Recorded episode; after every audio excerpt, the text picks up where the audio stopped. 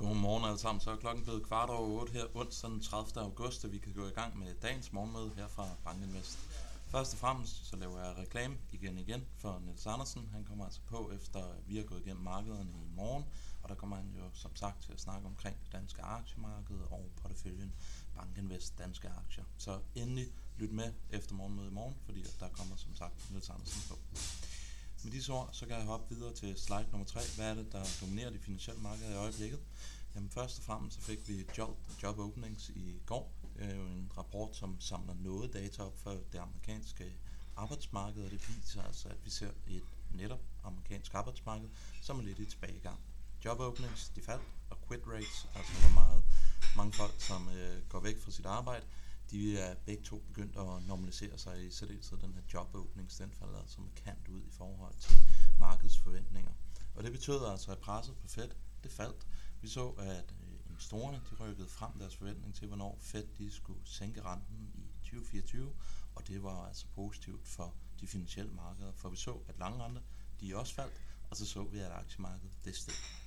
Så fik vi også noget forbrugertillid, og den er altså på tilbagegang, den faldt ned, dykker vi lidt ned i detaljerne, hvilket jeg kommer til at gøre med en slide, jamen, så kan vi også se, at forbrugeren han er enig med det her jobdata, altså at det amerikanske arbejdsmarked, det begynder lige så langsomt at moderere.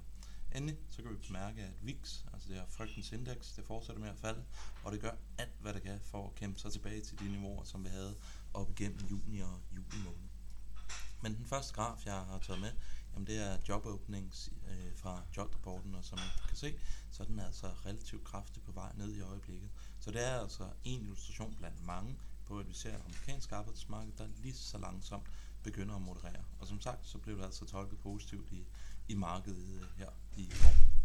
Ser vi på quit rate, jamen så er den altså næsten tilbage på de niveauer, som vi havde før vi så corona, hvor at alle folk de skulle ud og sige deres job op for at, at få et nyt job. Nu er vi tilbage til lidt mere normale øh, niveauer.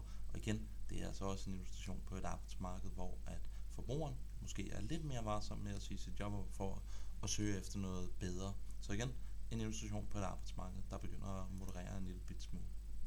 Og så fik vi Consumer Conference, øh, eller Consumer Confidence fra Conference Board. Det var en svær sætning at sige, og den viste altså en amerikansk forbrugertillid, som kom ud lidt svagere, end hvad analytikerne havde forventet. Men jeg synes faktisk, det der er det mest interessante, det er et af underspørgsmålene. Det spørger, hvor synes du, at det er let at få et nyt job? Og så spørger de også, synes du det er svært at få et nyt job? Og hvis man tager den relative andel, jamen, så kan vi altså se, at det er færre og færre i, for, i forhold til de to, som siger, at det er let at, at få et nyt job. Så vi ser altså et arbejdsmarked, som i forbrugernes øjne lige så langsomt også begynder at moderere. Og som sagt, så leder det altså til en, en svag dovish reprisning af Fed. Det jeg viser her, jamen det er jo ultimo-niveau, ultimo-niveauerne for 2023 og for 2024 af, hvordan markedet priser fat, og den gik altså en lille bit smule ned for 2024 med gårdsdagens data. Så markedet de forventer altså, at rentesænkninger de kommer lidt før, end hvad de gjorde for bare en dag siden. På den positive historie, jamen, så kan vi også bemærke, at i takt med, at S&P 500 steg så kraftigt, som det nu engang gjorde, jamen, så gik det over det 50-dage glidende gennemsnit, og det har vi jo haft relativt meget fokus på her over de sidste par, par uger. For det bør jo altså alt andet lige betyde, at nogle af de her store momentumfølgende strategier, de ikke længere skal være tvangssælgeraktier, men nu kan svinge rundt og næsten blive tvangskøberaktier, hvis det her rally det fortsætter. Så det bør, hvis det fortsætter, være en medvind til aktiemarkedet. Ser vi under overfladen på gårdsdagens bevægelser, jamen, så er der også bare at bemærke, at der var en meget, meget kraftig cyklisk rotation. Det var jo i høj grad de her fangmandaktier, som var med til at drive markedet højere, men også korrigeret for det, så var der altså flere af de cykliske aktier, der outperformede de defensive aktier i går. Og ser vi sådan lidt i den bredere kontekst, jamen, så her har jeg taget den her famøse graf, vi har vist et par gange før, hvor meget af S&P 500 afkastet på 17,1% kommer fra de her Magnificent 7 aktier, altså de store big tech aktier i USA, og det er altså 11,5 procentpoint af de 17,1% som S&P 500 er stedet i prisafkast, som kommer fra de her aktier.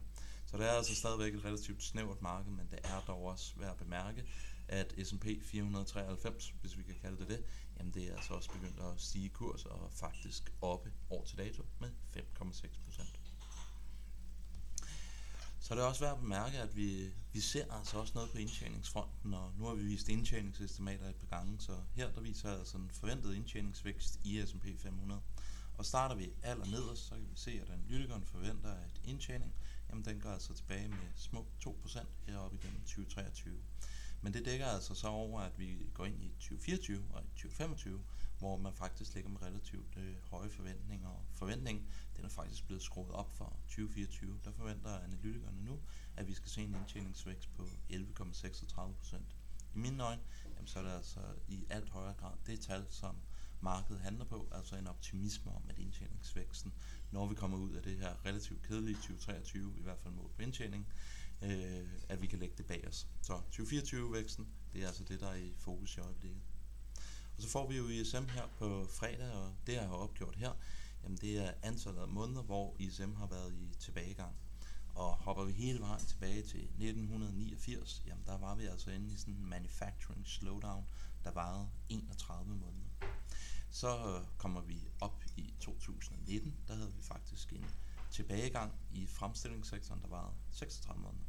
Og i øjeblikket, jamen der har vi altså været 32 måneder inde i en tilbagegang i fremstillingssektoren. Så det er lidt en illustration på, at går vi hele vejen tilbage til perioden efter 2. verdenskrig, så er det her altså den tredje længste periode, eller den anden længste periode, hvor at fremstillingssektoren den har været i tilbagegang. Og det kan jo altså være sådan lidt en, en illustration, eller i hvert fald give lidt forhåbning om, at vi lige så langsomt begynder at nærme os en bund. Så det bliver rigtig, rigtig interessant at se, hvordan ISM den kommer ud her på fredag. Hvad kommer i fokus i dag? Jamen, først og fremmest har vi her fra morgenstunden faktisk fået nogle tyske inflationstal, som måske steg lidt mere, end hvad markedet havde forventet. Vi ser, at tyske rente stiger svagt. Og kl. 9, der får vi spansk inflation. Det kommer nok også til at være relativt meget fokus på. Så senere i dag, der får vi ADP, altså den private arbejdsmarkedsrapport. Vi får europæiske inflationstal i morgen. Det er ESM og non-farm. Det er jo nok uh, the main event for den her uge, og det kommer jo så fredag. Og endelig kan vi konstatere, i hvert fald der jeg skrev de her slides, at amerikanske aktie futures, de er plus. Nu er det nok øh, tæt på noget her med de seneste times øh, bevægelser i markedet. Men med disse ord, jamen, så ønsker jeg jer alle sammen en rigtig, rigtig god dag, og vi høres ved i morgen. Hej!